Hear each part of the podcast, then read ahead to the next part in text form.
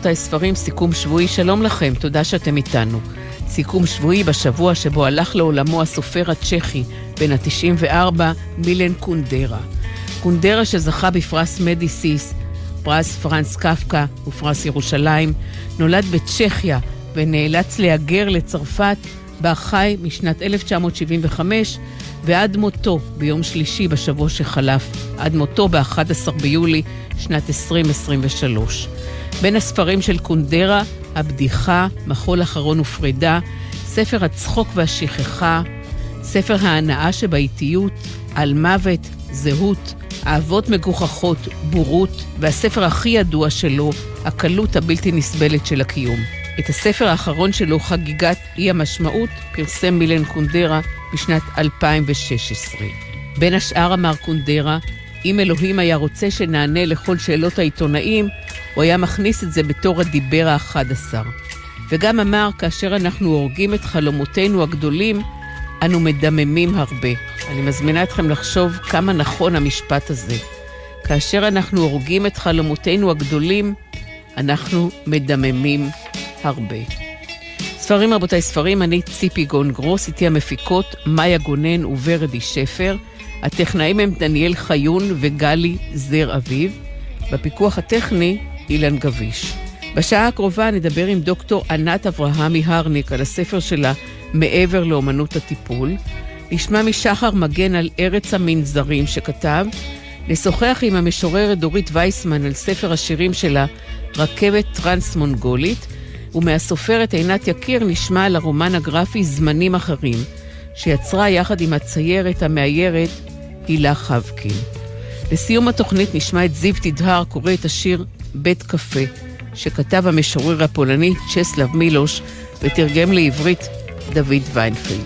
ספרים רבותיי ספרים, מתחילים.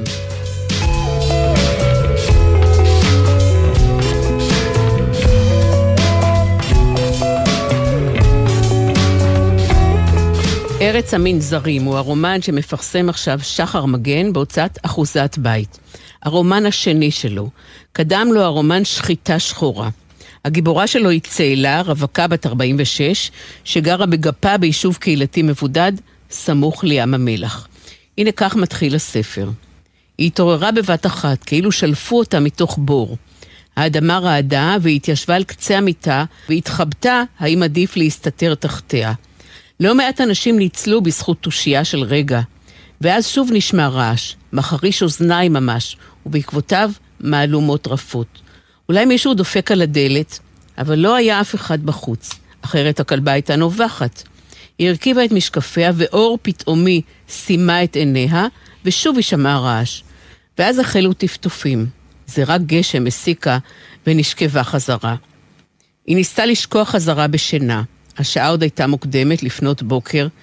עדיין היה חשוך בחוץ, אך הגשם שב והעיר אותה, תובע תשומת לב כמו תינוק רעב. שנים רבות בבקעה היבשה לימדו אותה שגשם הוא תמיד ברכה. אבל לעתים הרגישה צאלה שהגשם מקפל בתוכו דבר מה מרושע. עם אור ראשון היא סימסה לאחותה, עדיף שנבטל, מזג האוויר גרוע. נטע לא השיבה, היא סימסה פעם נוספת, ניפגש בשבוע הבא. היא שמעה צעדים ולחישות מחוץ לביתה, הכלבה נהמה, מי מסתובב פה בגשם כזה וכל כך מוקדם בבוקר טעתה ופתחה את הדלת, מציצה החוצה, מסתירה את הטרנינג. בואי, הוא קרא לה ברוך. ושוב פעם, בואי כבר. שלום שחר מגן. שלום, שלום. אני קראתי את העמוד הראשון של הספר, ועכשיו אני אקרא את סיום הספר.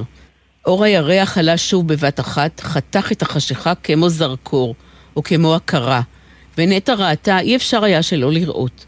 על האדמה היה שרוע יצור צעיר יותר מזה שמעליו, אך זהה לו. היו לו אותה גיבנת, אותן רגליים שריריות, ואותה לסת חזקה שהייתה עכשיו שמוטה, מדממת. החיה הזקנה נגסה בבן מינה הזעיר ששכב חסר מנוחה על האדמה, מחורבל, חבל הטבור עוד משתלשל ממנו. והיא נגסה ובלסה, אחוזה בתשוקה עזה, לטעום ולברוח. נטע שמעה צליל רפה של פקיעה, כי החוט האחרון, משי, דקיק ועיקש, נקרע. אך הצליל בקע מתוכה פנימה ולא מן החוץ. היא פלטה אנחת רווחה, אולם איש לא שמע אותה, והיא נשארה לבדה בעולם. אני רוצה לשאול אותך, שחר, מה קורה ברומן שלך בין שני הרגעים הכל כך דרמטיים האלו? הרגע שפותח את הספר והרגע שסוגר אותו. אני חושב שכל הרומן הזה הוא בעצם אה, מתעסק בהכרה. מתי אתה מכיר במצב שלך, והספר כולו מתעסק בבדידות. הפתיחה מתייחסת לגיבורה אחת שזו צאלה, והסיום מתייחס לגיבורה השנייה שזו נטע, אחותה. ועכשיו שאת מקריאה את זה אחד מול השני, כי אני לא העמדתי אותם ככה, בצורה כל כך חדה, אז אני רואה בעצם את, את הקשר שאצלי הוא היה יותר אסוציאטיבי בין אה, ההתחלה שבה צאלה מכירה בבדידות שלה וחיה איתה ומנסה להשלים איתה, לבין הסוף, שהסיום כולו הוא על דמות שמבינה שבעצם למרות שהייתה מוקפת כל החיים, היא גם באותו מצב בעצם של בדידות. עכשיו שאני חושב על זה, יש קשר בסופו של דבר גם בין הפתיחה, היא פתיחה שכשכתבתי את הספר התחלתי אותה בלי לגעת, היא אותה פתיחה שהייתה מההתחלה וגם הסוף. כל הספר עצמו כולו עבר המון שכתובים ושינויים ודיוקים של עלילות, כי זה גם סוג של מותחן, מה מגלים, מה לא מגלים, וההתחלה והסוף הם שני טקסטים שכמעט ולא נגעתי בהם. זה עוד קשר. נטע היא אחות של צאלה, היא אימא לשניים, כן. היא עובדת בבית סוהר לנשים, היא משמשת שם כסגנית המפקד. היא ממש הפוכה מאחותה צאלה. איך נטע וצאלה משפיעות זו על זו? בעצם הן מנהלות יחסים אה, אחת לעומת השנייה. הן משנות ומגדירות את כל החיים שלהן אחת לעומת השנייה. זו מערכת יחסים שאני מאוד מכיר שקיימת הרבה פעמים אצל אחיות, לא רק, גם אצל חברות טובות, גם אצל גברים, אבל אני יותר מתעניין כשזה נמצא אצל נשים דווקא, ולכן גם בחרתי גיבורות של, שהן שתיהן נשים, שבעצם את הבחירות שכל אחת מהן עושה, הן כביכול עצמאיות, אבל הן הרבה פעמים לעומת מישהי אחרת. הן לפעמים קונטרה לבחירות האחרות, לפעמים הן אותו דבר, וזה מה שבעצם אה, נטע מבינה במהלך הסיפור, שחלק ניכר מהבחירות שלה התאפשרו בגלל שאחותה בחרה משהו אחר. והמשפחה שלה, והחיים המלאים שלה, וההישגיות שמאפיינת אותה, הם תולדה לא בהכרח רק של משהו פנימי אצלה, אלא כתגובת נגד למה שאחותה הגדולה השיגה או לא השיגה. ולמה קראת לזאת צאלה ולשנייה נטע? בבחירה של שם לדמויות, אני מקפיד תמיד שיהיה גם משהו אסוציאטיבי קודם כל. כלומר, לי יש נטע שאני זוכר מהנעורים, ויש צאלה שאני זוכר מהנעורים, ומה שכל אחת מהן משקפת עבורי.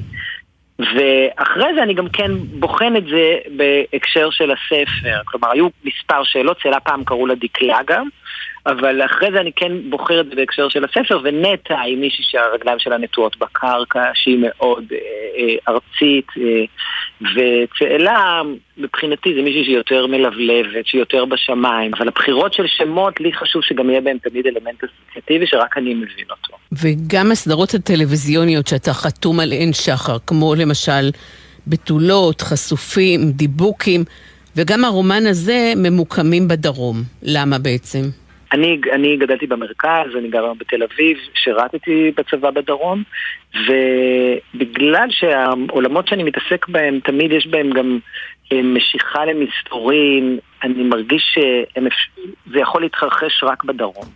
נגיד הסדרה בתולות, שבסופו של דבר התעסקה באיזה מיתוס של בתולות ים למשל, לא יכולתי לקיים אותה בחולון. הרגשתי שזה חייב להיות באילת, ליד המדבר. משהו ב... במדבר, תמיד יש בו, בשבילי, יש בו איזה סוד. ולכן איכשהו אני תמיד תמיד נמשך בסופו של דבר לאזורים אה, המדבריים. ואני גם אוהב כן לצאת אה, מהבועה שלי. אני, יש כותבים שהם יותר כותבים ומביטים פנימה וכותבים על חייהם, ואני, המניע שלי הוא קודם כל תחקיר ועולם אחר, דווקא עולם שאני פחות מכיר. בסוף אתה תמיד כותב על עצמך, והביוגרפיה תמיד נכנסת. אבל אה, אני קודם כל רוצה להתרחק. באיזה אופן בספר הזה, ארץ המנזרים, אתה כותב על עצמך? ארץ המנזרים מתעסק, התמה המרכזית שלו מתעסקת בבדידות. והעיסוק והמשיכה שלי לבדידות היא גם קשורה לחיים שלי הפרטיים. אני חי לבד, יש לי ילד, אבל אני הרבה פעמים חוזר לבית אה, ריק. ואני אה, גם אוהב את זה ונמשך לזה, אבל גם נרתע מזה ומפחד מזה. וגם בסביבתי, הרבה חברים שלי, אחרי גיל מסוים, פירקו את המשפחתיים והם חיים לבדם, וכולם מנהלים אותה מערכת יחסים של משיכה ורתיעה עם המושג הזה של בדידות. כולם מנהלים אה, מערכת יחסים של אה, משיכה ורתיעה עם אה, הבדידות. אז התמה המרכזית היא תמה שהעסיקה אותי גם בחיי הפרטיים, ויש כמובן עוד המון המון דברים קטנים שקשורים לחיים שלי, כי בזמן שאני כותב, אז הסביבה שלי יודעת שהכל נכנס. אני מרגיש שמותר לי, ו- ואני גם מבקש ואומר, אבל אני, אני מכניס כל מה שקורה, ויש גם רגע כזה נורא בעיניי זה הרגע הכי כיף בכתיבה, כי כל השאר הוא בדרך כלל אה, אה, יכול להיות גם עינוי, אה, שבו כל דבר שקורה לך בחיים נראה לך קשור למה שאתה כותב, ואז זה מהלך הפוך. כאילו פתאום ראית איזה זקנה באוטובוס והיא נראית לך שהיא בדיוק מה שאתה היית צריך בשביל הספר. אז אלה רגעים שהם... ניסים קטנים כאלה. תודה רבה, שחר מגן, ארץ המנזרים, נקרא הספר, והוא הופיע בהוצאת אחוזת בית. תודה, שחר, תודה בהצלחה עם הספר. תודה, תודה רבה.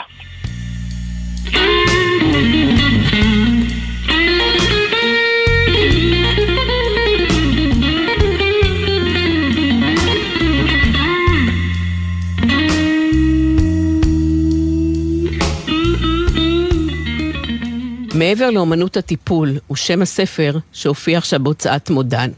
כותרת המשנה שלו היא חיי הנפש, מבט רב-תחומי. כתבה אותו דוקטור ענת אברהמי הרניק, שהיא פסיכולוגית קלינית ופסיכותרפיסטית, שכבר 40 שנה עובדת כמטפלת. ענת כותבת בספר על הטקסט היחיד שבאמת חשוב ונחוץ בטיפול, הטקסט של המטופל, על הכתיבה החולמת, הכתיבה שמציעה לקורא דרך שבה יוכל להסתכל על עצמו, הכתיבה שמזכירה עבודה אסוציאטיבית על חלום. היא כותבת בספר על השפה, שפת אב ושפת אם, השפה שהיא מעבר לאמצעי התקשורת, השפה שמבנה מציאות. כותבת על הדמיון, על זיכרון, היזכרות ושכחה, על המחיר של חוסר נפרדות. כדוגמה לחוסר נפרדות, ענת מתארת בספר סיטואציה שבה זוג נוסע במכונית ביום קיץ חם. המזגן עובד במלוא המרץ, אולי תכבה את המזגן, קר לי, אומרת האישה, והבעל משיב לא קר. כלומר, הוא לא מכיר בנפרדות שלו מאשתו, ולכן מיד מבטל את חוויית הקור שלה. עוד נושאים שענת אברהמי מתייחסת אליהם בספר הם השתיקה, הבגידה, הפרידה, תחושת החריגות. מעבר לאומנות הטיפול הוא הספר. שלום דוקטור ענת אברהמי הרניק. שלום רב. מה הייחוד של הספר שלך, ענת? אבל אני חושבת שהייחוד שלו הוא כי הוא בעצם מאגד שלושה אה, קודקודים, אה, ואולי גם, גם אפשר להגיד גם אולי שלושה סוגי אה, כתיבה. הראשון זה כמובן הספרות הפסיכואנליטית, התיאוריות, שלפחות מבחינתי ניסיתי לעשות אותן הרבה יותר נגישות גם להדיוט. הקודקוד השני זה הקודקוד של, אני קוראת לזה אמנות בכללותה, אבל בוודאי הספרות, הספרות היפה, שבעיניי זה, בואי נגיד ככה, שהמשוררים וה, והסופרים בעיניי הם מביני הנפש הטובים ביותר. בתוך האומנות אני גם מזכירה אומנות פלסטית וגם קולנוע. והקודקוד השלישי זה בעצם החלקים, נקרא להם האוטוביוגרפיים, וגם החלקים שקשורים לאנקדוטות מחדר הטיפולים. אז השילוב הזה של כל הש, השלוש נקודות המבט האלה על באמת תמות שפשוט עלו בצורה מאוד אה, אינטואיטיבית ולא אה, מבוקרת ואפילו לא מתוכננת, אה, מאפשרות בעצם להסתכל על כל אחד מה, מהנושאים האלה דרך שלוש נקודות המבט, ובתקווה ש... כמו במוטו ש... שהספר אה, מצטיין בו של, של פרוסט, שאדם ייפגש עם עצמו ויהדהד משהו מעצמו. זה בעצם המטרת הספר, ואולי זה בעצם קצת כמו טיפול. כי כשאנחנו נפגשים עם עצמנו דרך האומנות, דרך הספרות, בוודאי בחדר הטיפולים, משהו קורה. אמרתי שאת uh, כותבת בספר על שפת אב ושפת אם. מוכנה לספר לי על שפת האב ושפת האם במשפחה שלך, במשפחת המוצא שלך? אה, וואו.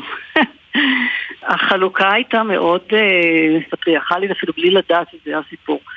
אבא היה אחראי על אה, שפת ה... נקרא לזה שפת הרציו, שפת הלוגיקה, שפה שנחשבת, שפת הלימוד. הוא גם היה, אני קיבוצניקית במקור, אז הוא היה גם אה, מנהל, מזכיר קיבוץ, ומנהל בית ספר, וכל מיני תפקידים שגם נתנו לשפה הזאת משנה תוקף, ואת אימא, אנחנו, אני ראיתי אותה בתור אחראית על שפת היופי. הייתה תמיד מזהה את המרבדים של הנרציסים ושל הכלניות, והיא גם כתבה שירה והייתה אמנית, הייתה גם בקיבוץ גננת. אבל הנקודה היא שרק באמת תוך כדי כתיבה הבנתי שבעצם מה שאני מדברת להם על החלוקה הזאת בין שפת הרציו לשפת הרגש.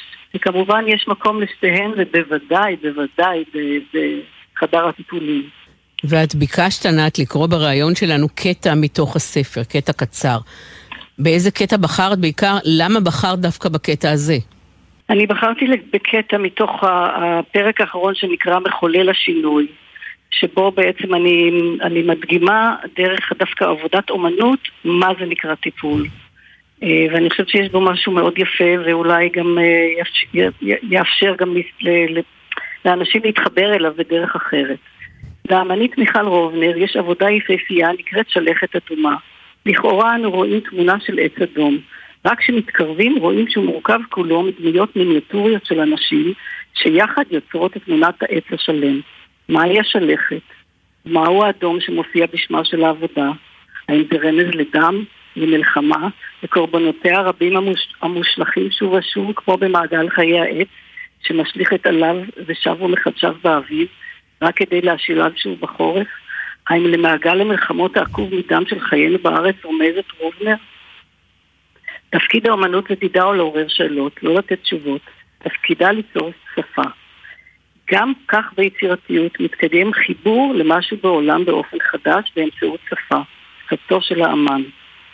יכולתו המופלאה של האמן להוביל אותנו מהמקום המוכר למקום שונה, חדש, שדרכו נכווה את המציאות ואת המגע עימה באופן אחר, חי וממשי יותר, דומה למה שמתרחש בטיפול.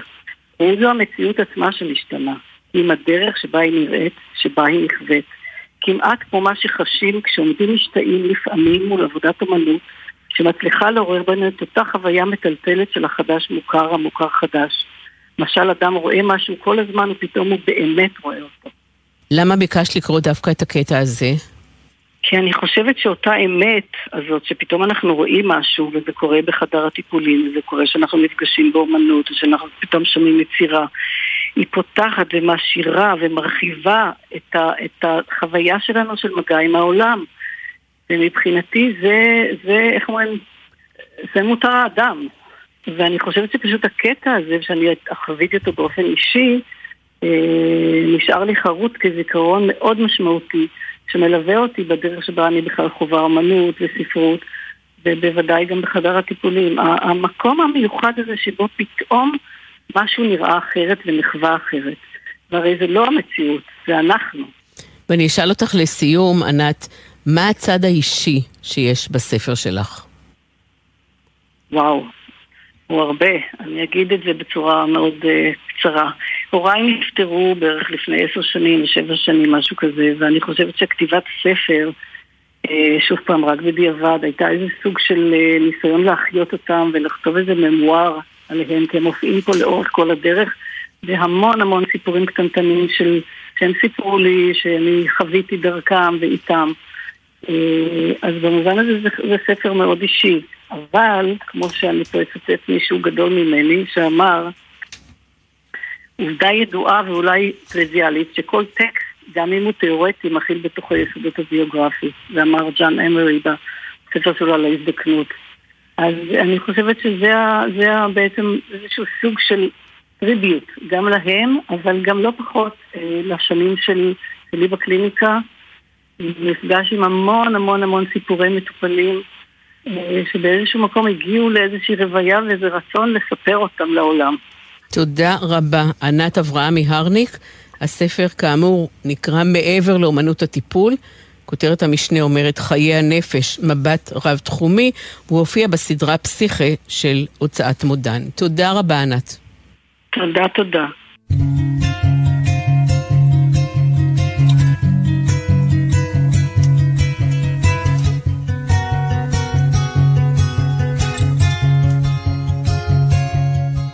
דורית וייסמן היא משוררת, סופרת, מתרגמת, עורכת ובמאית סרטים.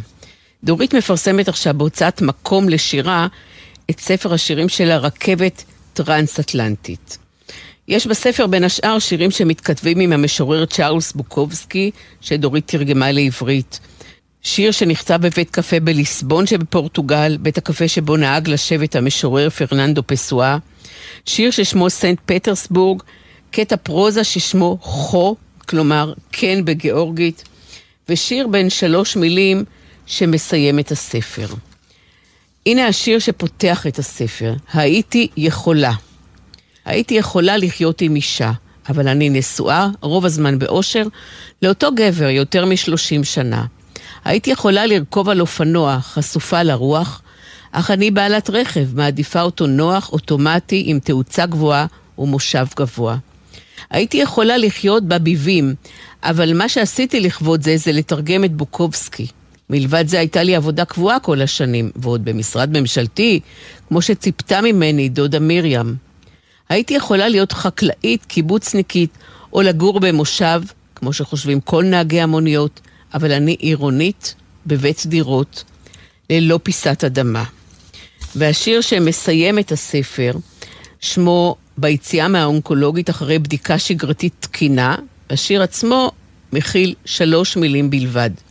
עוד שנה שקטה. התאריך שבו נכתב השיר הזה הוא ה-19 במאי שנת 2020. שלום, דורית וייסמן. שלום לך ציפי, אני מאוד שמחה להיות כאן. גם אני שמחה לארח אותך, זאת לא הפעם הראשונה שאנחנו נפגשות נכון. ברדיו. אני נכון. קראתי בפתיח שלי את השיר שפותח את הספר, ואת השיר הקצרצר מאוד, השיר שסוגר אותו. ונראה לי שלא במקרה שיבצת את השיר "הייתי יכולה" ראשון, ואת השיר ששמו ביציאה מהאונקולוגית אחרי בדיקה שגרתית תקינה כשיר אחרון. או במילים אחרות, לפי מה בחרת את סדר השירים? זו תמיד התלבטות כשמוציאים ספר שירה. יש סדר הגיוני, חטיבת שירי אהבה, חטיבת, לא, המסעות די מעורבבים, ספר קודם שלי חילקתי לפרקים, כאן אין פרקים, אבל אה, אני לא יודע, גם יש לפעמים שירים שמתכתבים אחד עם השני. זאת החלטה מאוד לפעמים ספונטנית, או עם הרבה מחשבה, זה מאוד משתנה. כן. אז זה אחד התענוגות של להכין כתב יד לפרסום, ולסדר את הסדר. על הכריכה של הספר בחרת לשים את השיר סנט פטרסבורג, שאומר, בחצות, בקומה השמינית, בחדר במלון פרי בלטסקיה, דג מלוח עסיסי וטהור, מלווה בלחם שחור רוסי, כבד, מתקתק. אני גמרתי, אני אומרת לך. זה סוף השיר. בדרך כלל השיר שהמשורר או המשוררת מחליטים לשים על הכריכה של הספר, באיזה אופן דורית השיר הזה מהווה כרטיס ביקור של הספר כולו?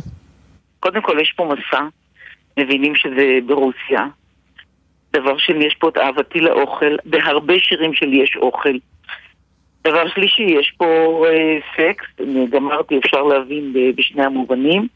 וסקס בגיל מבוגר, אהבה בגיל מבוגרת, אלה שלושה ספרים שדי נמצאים בספר. אני חושבת שיש פה גם הומור, ויש פה אהבת אוכל פשוט. זאת אומרת, יש פה לחם שחור, דברים שהם אה, בסיסיים, דג מלוח. הבסיסיות של האושר, כאילו, זה להיות בחדר במלון, שהוא לא מי יודע מה, מבינים כבר לפי השם, אבל מגיעים פה לאושר, רק מלאכול איזה פרוסת לחם שחור עם, עם דג מלוח. ואת ביקשת לקרוא מתוך הספר שלך, ששמו רכבת טרנס-מונגולית, את השיר ששמו אימא, אחר הצהריים אחד בבודפסט. אז אני מבקשת שתקראי וגם תסבירי למה בחרת לקרוא דווקא את השיר הזה. יש הרבה אימא בשירים שלי, זה אחרי חיים שדי התנתקתי בגיל 20, כי זה הבית די דפוק. אבל בסוף, כמה שנים לפני שאימא שלי נפטרה, חזרנו וזו הייתה חוויה, עד היום אני נהנית ממנה. אני, אמא שלי נפטרה לפני 20 שנה, אבל אני עדיין רואה את פניה, שומעת את קולה. ומה שחשוב לי להגיד על השיר הזה, שאני כבר עומדת לקרוא, יש בו דרגה דורי. דרגה זה יקרה בהונגרית, יש לי גם ספר שנקרא דרגה קלארי, כלומר, אימא שלי קראו לה קלרה, אימא יקרה, שהוא פרגמנטים כאלה. אז אני קוראת את השיר, אימא אחר צהריים אחד בבודפשט. האישה שקראה לי דורית, דורית במלעיל, כמו אימא, וגלגלה עיניים בממזריות, כמו אימא, ולא נתנה לי להחתים את הכרטיס בחשמלית, וצחקה במבוכה כמו אימא, ואור מצחה לא התכמת גם שצחקה, כמו אצל אימא, ושילבה ידי בידה. והעבירה אותי את הכביש ונתנה לי לעלות לפניה באוטובוס, בחשמלית ובתחתית. כמה שעות בבודפשט, באוויר החם, היא הייתה לי אימא, שכאילו נשארה בת עשרים או חמישים בבודפשט, והצטרפתי אליה, מעתיד רחוק. דרגה דורית, היא אמרה לי, למלעיל, והצמידה לחי חלקה אל לחיי, שנפרדה. דרגה דורית, ראשי בכפות ידיה, ונשקע אולי גם את נצחי. אני זוכרת את איטיות התנועות. תודה על הקריאה שלך, אבל אני רוצה לומר לך במקום הזה, שספר שירים קודם שלך שמאוד מאוד אהבתי, הוא הספר לרקוד איתך צ'רדש. הוא כולו הוקדש ליחסים בין אימא לבת, ואני מאוד מאוד אה, אהבתי אותו. ונחזור אל הספר הזה שנקרא רכבת טרנס-מונגולית. אכן נסעת ברכבת הטרנס-מונגולית? אכן. הייתי בפסטיבל שירה במונגוליה, חציו היה בבירה באולן באטר וחציו במדבר גובי, ומהבירה אל מדבר גובי נסענו ברכבת הטרנס-מונגולית, שזה היה תמיד חלום חיי. זאת שלוחה של הרכבת הטרנס-סיבירית. היא עתיקה, בת כמאה שנה, והייתה חוויה לנסוע, ב... לישון שם בלילה ברכבת. וגם uh, כל הפסטיבל הזה במדבר גובי הייתה, היה חוויה מעצימה, שונה, הרי במונגוליה אפשר לבקר רק חודשיים בשנה, אוגוסט וספטמבר, אחר כך מאוד קר שם. לראות עולם אחר, אנשים אחרים שחיים במקום אחר. כולנו אנושיים, אבל זה מאוד מעניין לראות את המגוון האנושי. כן, אז כתבתי איזה כמה שירים וגם את הפואמה הזו. שאגב התפרסמה לראשונה בכרמל בעריכת אה, נתן וסלרמן. ואיזו חשיבות יש בעינייך לשמות של השירים? לפעמים יש לי שירים בלי שמות, לפעמים השיר הוא השורה הראשונה, אבל הנה השיר שקראנו לפני כן, סיין פטרסבורג. אני לא כותבת בתוך השיר שוב סיין פטרסבורג, זה האינפורמציה בה, מהכותרת, או שיר, כמו שקראת, האחרון שמסיים את הספר, ביציאה מהאונקולוגית, אחרי בדיקה שגרתית תקינה. עוד שנה שקטה. כאילו, בעצם אני, הכותרת היא נכנסת כבר לשיר.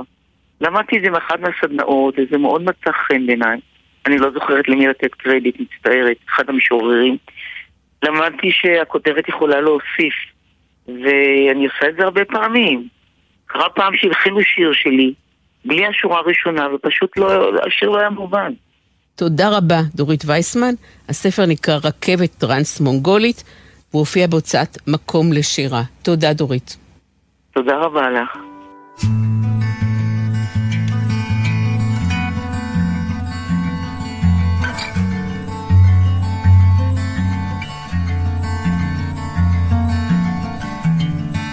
זמנים אחרים הוא רומן גרפי שיצרו יחד הסופרת עינת יקיר והמאיירת, הציירת, הילה חבקין. הגיבורות שלו הן ננקה ואנקה, חווה וחנה, אחיות תאומות. חווה כמעט בת מאה וחנה בת עשרים וכמה. הן עומדות על אי בלב ים. מאז שהגיעו אל האי, חנה קפאה בזמן, וחווה נשארת מזדקנת לנצח. הנה המילים שפותחות את הספר. מאיפה בא האור, איפה שננקה ואנקה עומדות? מכל מקום הוא בא. האור מציף את המקום שננקה ואנקה עומדות בו. הן עומדות על אי, האי עומד בלב ים, עולה מעומק מצולות כמו תל מתוך המים. אנקה וננקה עומדות על שפת המים, לא טובלות רגליים, שוקעות בעולמן ושוקעות בים, ולאט לאט הים הוא עולמן. אי עומד בלב ים, ובלב האי שתיים, ננקה ואנקה, חווה וחנה, אחיות תאומות. חווה אוטוטו בת מאה וחנה בת עשרים וכמה. מאז שהגיעו לאי, חווה מזדקנת לנצח, וחנה קפאה בזמן. אין גבול לעצירה ואין גבול למשך, ומוות אין. שלום עינת יקיר. שלום. קראתי את העמוד הראשון של הספר שלך, ושמתי לב שאין נקודות בטקסט שלך. המשפטים לא מסתיימים בנקודה. נכון. את הדברים האלה, קודם כל אני תמיד מבינה בדיעבד, אה, לא בזמן הכתיבה, אבל הייתה לי מין תחושה כזאת שנקודה לא צריכה להיות שם. ויכול להיות מאוד שזה קשור בזה שהנובלה הגרפית הזו, שנולדה בתנאים מאוד מיוחדים, אה, הייתה בבסיסה ניסיון לכתוב מחזה. אה, ניסיון שאני עדיין מסתובבת איתו, והמעבר לפרוזה היה ניסיון שלי אולי לפתור דברים שלא הבנתי במחזה, עד שבעצם הנובלה קיבלה חיים משל עצמה. ויכול להיות שהיעדר הנקודה קשור איכשהו בזה שאני רואה שם ממש אה, גופים חיים, תיאטרליים. אני ממשיכה בקריאה בעמוד הראשון, ואני מצטטת. חנה איננקה אומרת, הוא לא יבוא. ואנקה אינה משיבה, עומדת וממשיכה להביט אל האופק. דממה. הוא לא יבוא, חנה אומרת. דממה ביניהן. אבל חנה, עד שלא תעורר את אחותה לדבר, תדבר היא. הוא היה צריך כבר להיות כאן. דממה. חווה, הרחק באופק. הוא היה צריך, נתקע על בדל שפתיה היבשות של חנה. רגע היא בוהה במים. כמה זמן עבר? כמה זמן עבר מאז שהוא היה כאן? היא פונה אל אחותה, אך זו קפאה לפני המים. חווה? חווה, היא קוראת. ומה את רוצה? בוא ברגע ממש של חווה. אני שואלת אותך.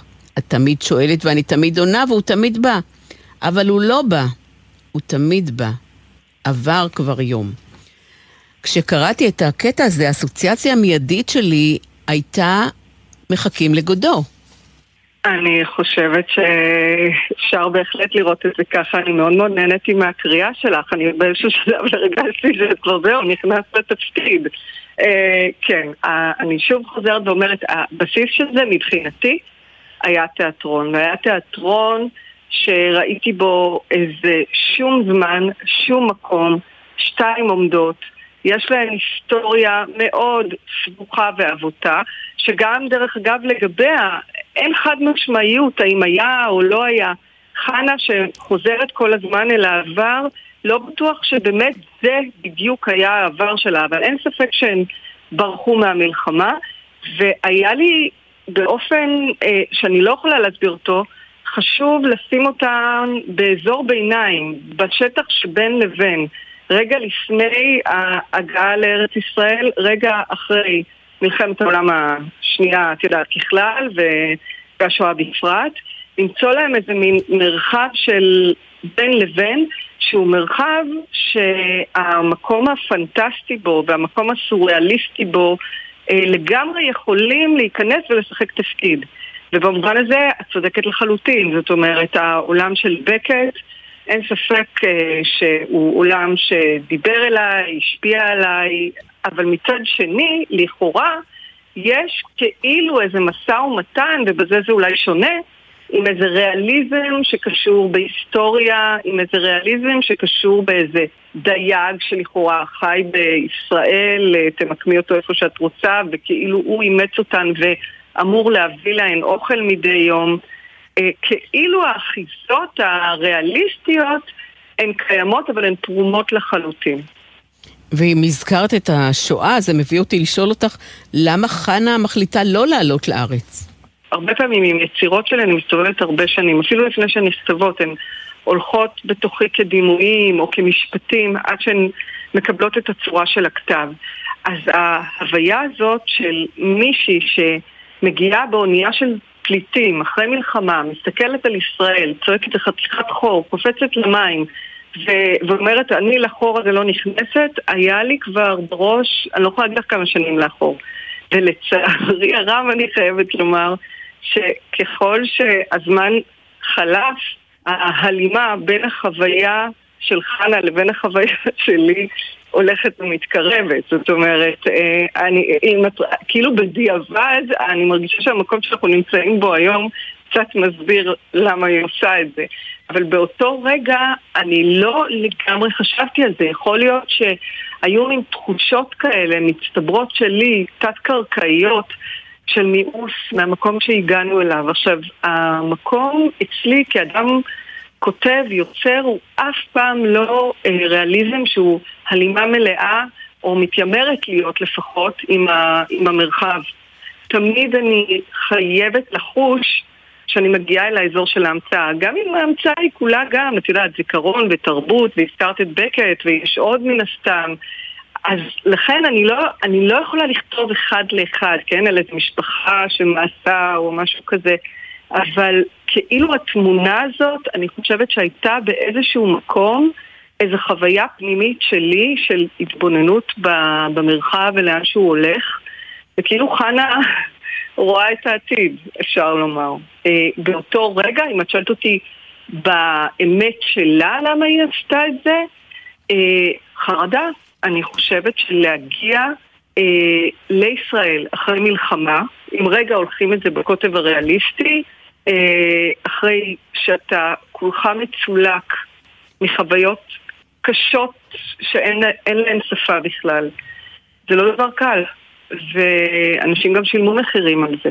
לקח זמן עד שהמרחב הישראלי בכלל יכול היה לשאת את הסיפור הזה באמת בלי לעוות אותו לגבורה ולכל מיני דברים ששירתו, את יודעת, את, ה, את האתוס הציוני.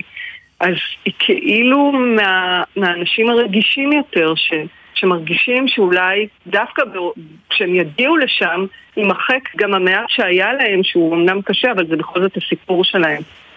אז יכול להיות שמבחינתה זה זה. ננקה ואנקה הן תאומות, ותאומות מופיעה גם בספרים קודמים שלך.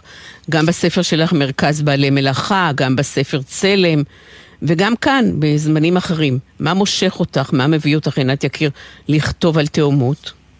תראי, שוב, זו אחת החידות המעניינות אה, שיש לי כלפי עצמי, לראות כל פעם איך התנועה הזאת חוזרת אצלי באופן שאני בכלל לא שולטת בו. אה, החשיבה היא כאילו תמיד מתפצלת. תמיד, כמעט תמיד. אמ, אני חושבת שבאיזשהו אופן החוויה הפנימית שלי כנראה היא חוויה של פיצול.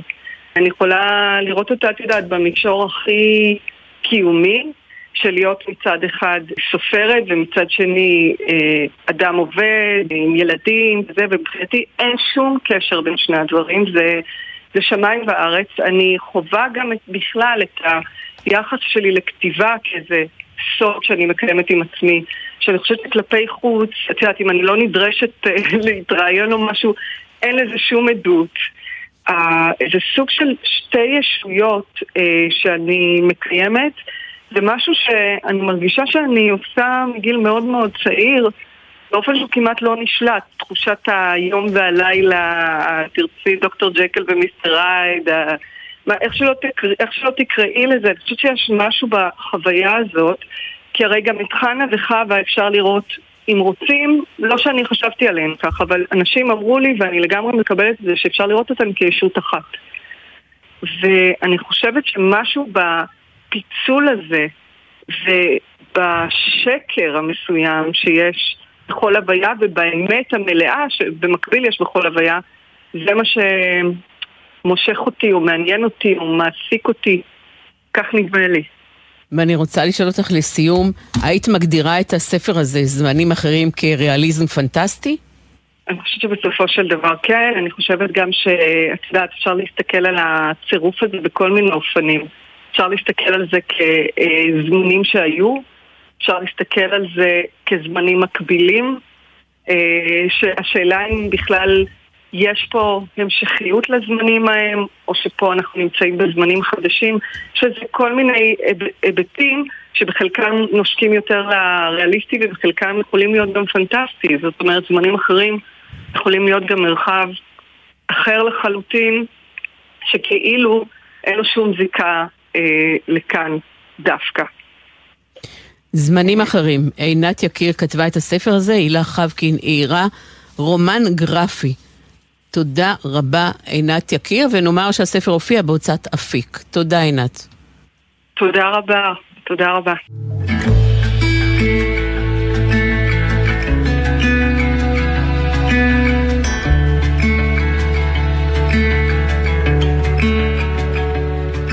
ספרים רבותיי, ספרים לסיום התוכנית נשמע את זיו תדהר, קורא את השיר בית קפה. שיר שכתב המשורר הפולני צ'סלב מילוש בוורשה בשנת 1944.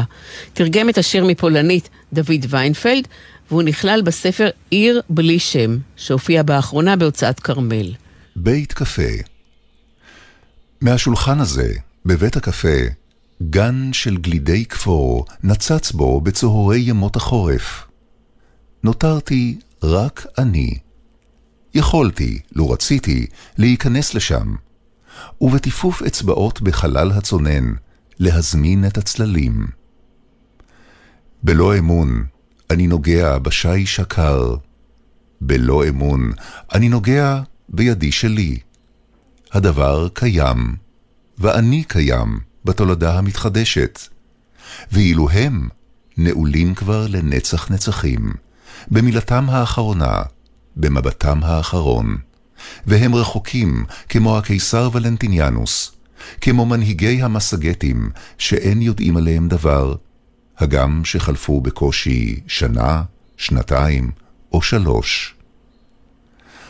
אני יכול עוד להיות חוטב עצים ביערות הצפון הרחוק, עוד יכול לדבר מהבימה או להסריט סרט בשיטות לא מוכרות להם. עוד יכול לדעת מן הניסיון מה הטעם יש לפירות מאיי האוקיינוס, ולהצטלם במלבוש מן המחצית השנייה של המאה. ואילו הם, כבר לעולמי עד, כמו אנדרטות עם ז'בות ופרק ממילון לרוס המפלצתי. אך לעתים, כשזוהר השקיעה צובע את גגות הרחוב הדל, ומבטי שקוע בשמיים, אני רואה בעננים שולחן מרקד במעגל. המלצר חג במהירות עם המגש. הם מביטים עליי ופורצים בצחוק. כי עדיין איני יודע כיצד עובדים מיד אכזרית של אדם. הם יודעים. הם יודעים היטב. זיו תדהר קורא בית קפה.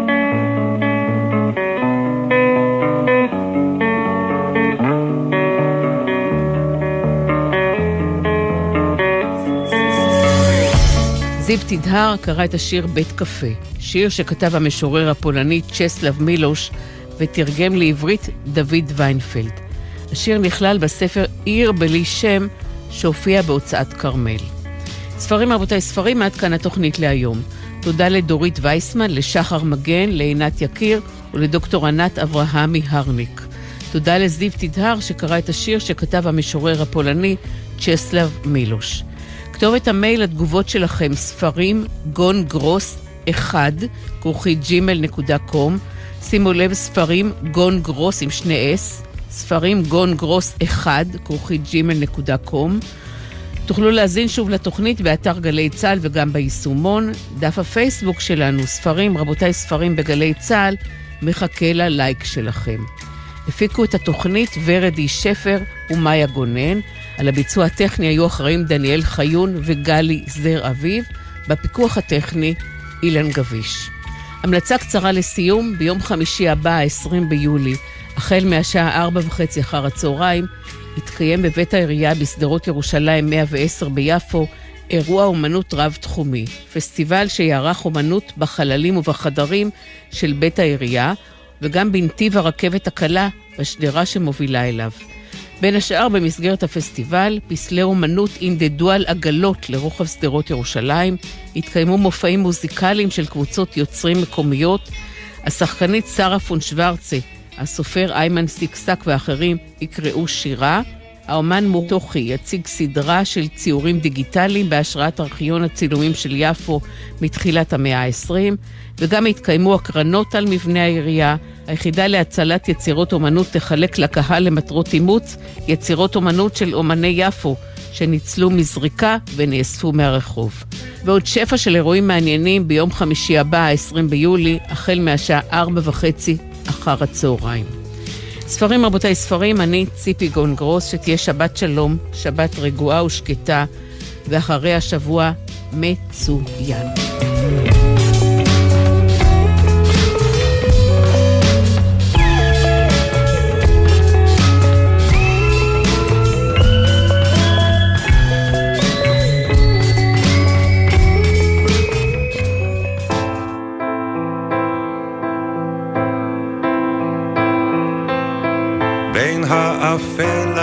נסתר בעולמנו המר אומרים שיש עוד תקווה, קוראים לזה אהבה ומחכים לבואה.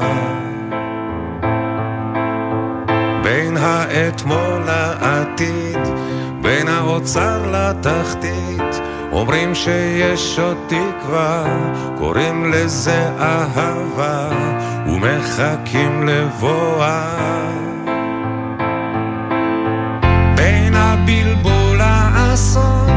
תדעו שיש פתרון, קוראים לזה אהבה. בין הזיוף לאמת, בין כל מה שחי למת, ישנה אהבה. יש בי אהבה והיא תתעורר ותיגע. יש בי אהבה והיא תנצח. יש בי אהבה והיא תתעורר ותיגע. יש בי אהבה והיא תנצח. בין השפיות לשינה, בין הילדות לזקנה, אומרים שיש עוד תקווה,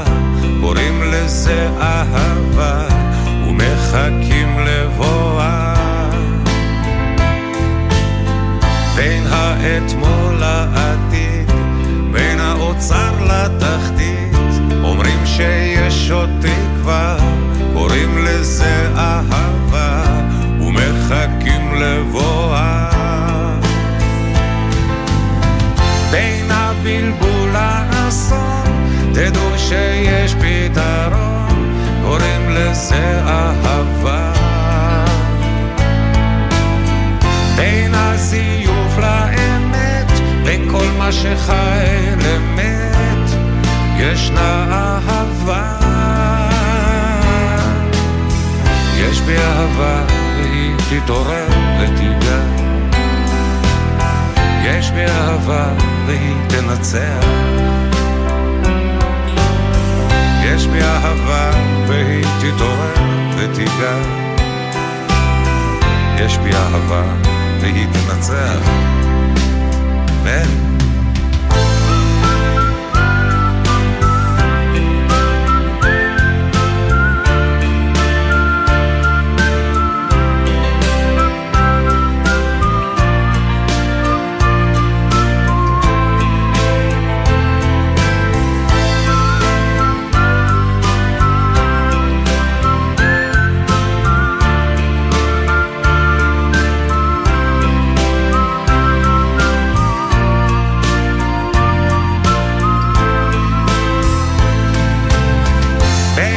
בין הבלבול לאסון, תדעו שיש פתרון, קוראים לזה אהבה. בין הזיוף לאמת, בין כל מה שחי למת, ישנה אהבה. יש בי אהבה והיא תתעורר ותיגע. אהבה והיא תנצח.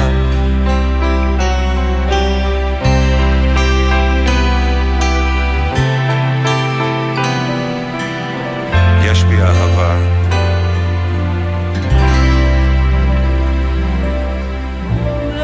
ישנה ארץ, ארץ רבת שמש, היאות איפה אותה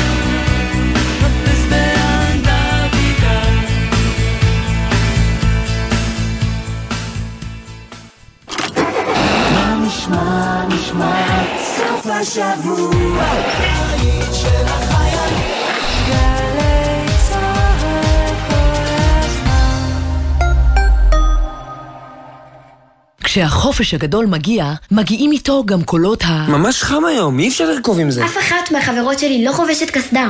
אבל כדי שהחופש הגדול יעבור בשלום, אתם חייבים להתעקש. בכל רכיבה חובשים קסדה עם מחזיר אור ולא משתמשים בנייד בזמן הרכיבה. רכיבה על גלגינוע, קורקינט ואופניים חשמליים מותרת רק למי שמלאו לו 16 ובידו אישור הכשרה לרכיבה. לפעילויות על בטיחות בדרכים לילדים ולכללי בטיחות נוספים לימי הקיץ, בקרו באתר הרלב"ד.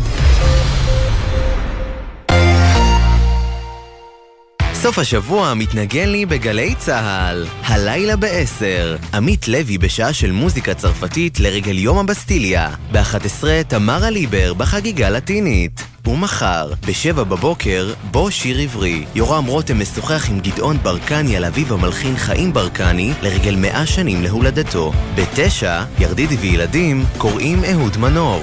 וב-2, הדרן, אחינועם ניני עם תזמורת רשות השידור. סוף השבוע מתנגן לי בגלי צהל. יהיה בסדר. נמאס לכם לטבוע בתוך ערימות של פלסטיק חד פעמי? הבטיחו לכם שכונה ירוקה, אבל אין אפילו עץ אחד? אתם נחנקים מהמפעל שהקימו מול החלון שלכם? יהיה בסדר, במהדורה ירוקה כפולה ומיוחדת לרגל יום הסביבה בכנסת. אתם מוזמנים לפנות לדף הפייסבוק של התוכנית, יהיה בסדר בגל"צ, או לדואר האלקטרוני אוקיי, כרוכית glz.co.il. יהיה בסדר עם אביב לביא ואיתי זילבר. שלישי, שתיים בצהריים, גלי צה"ל.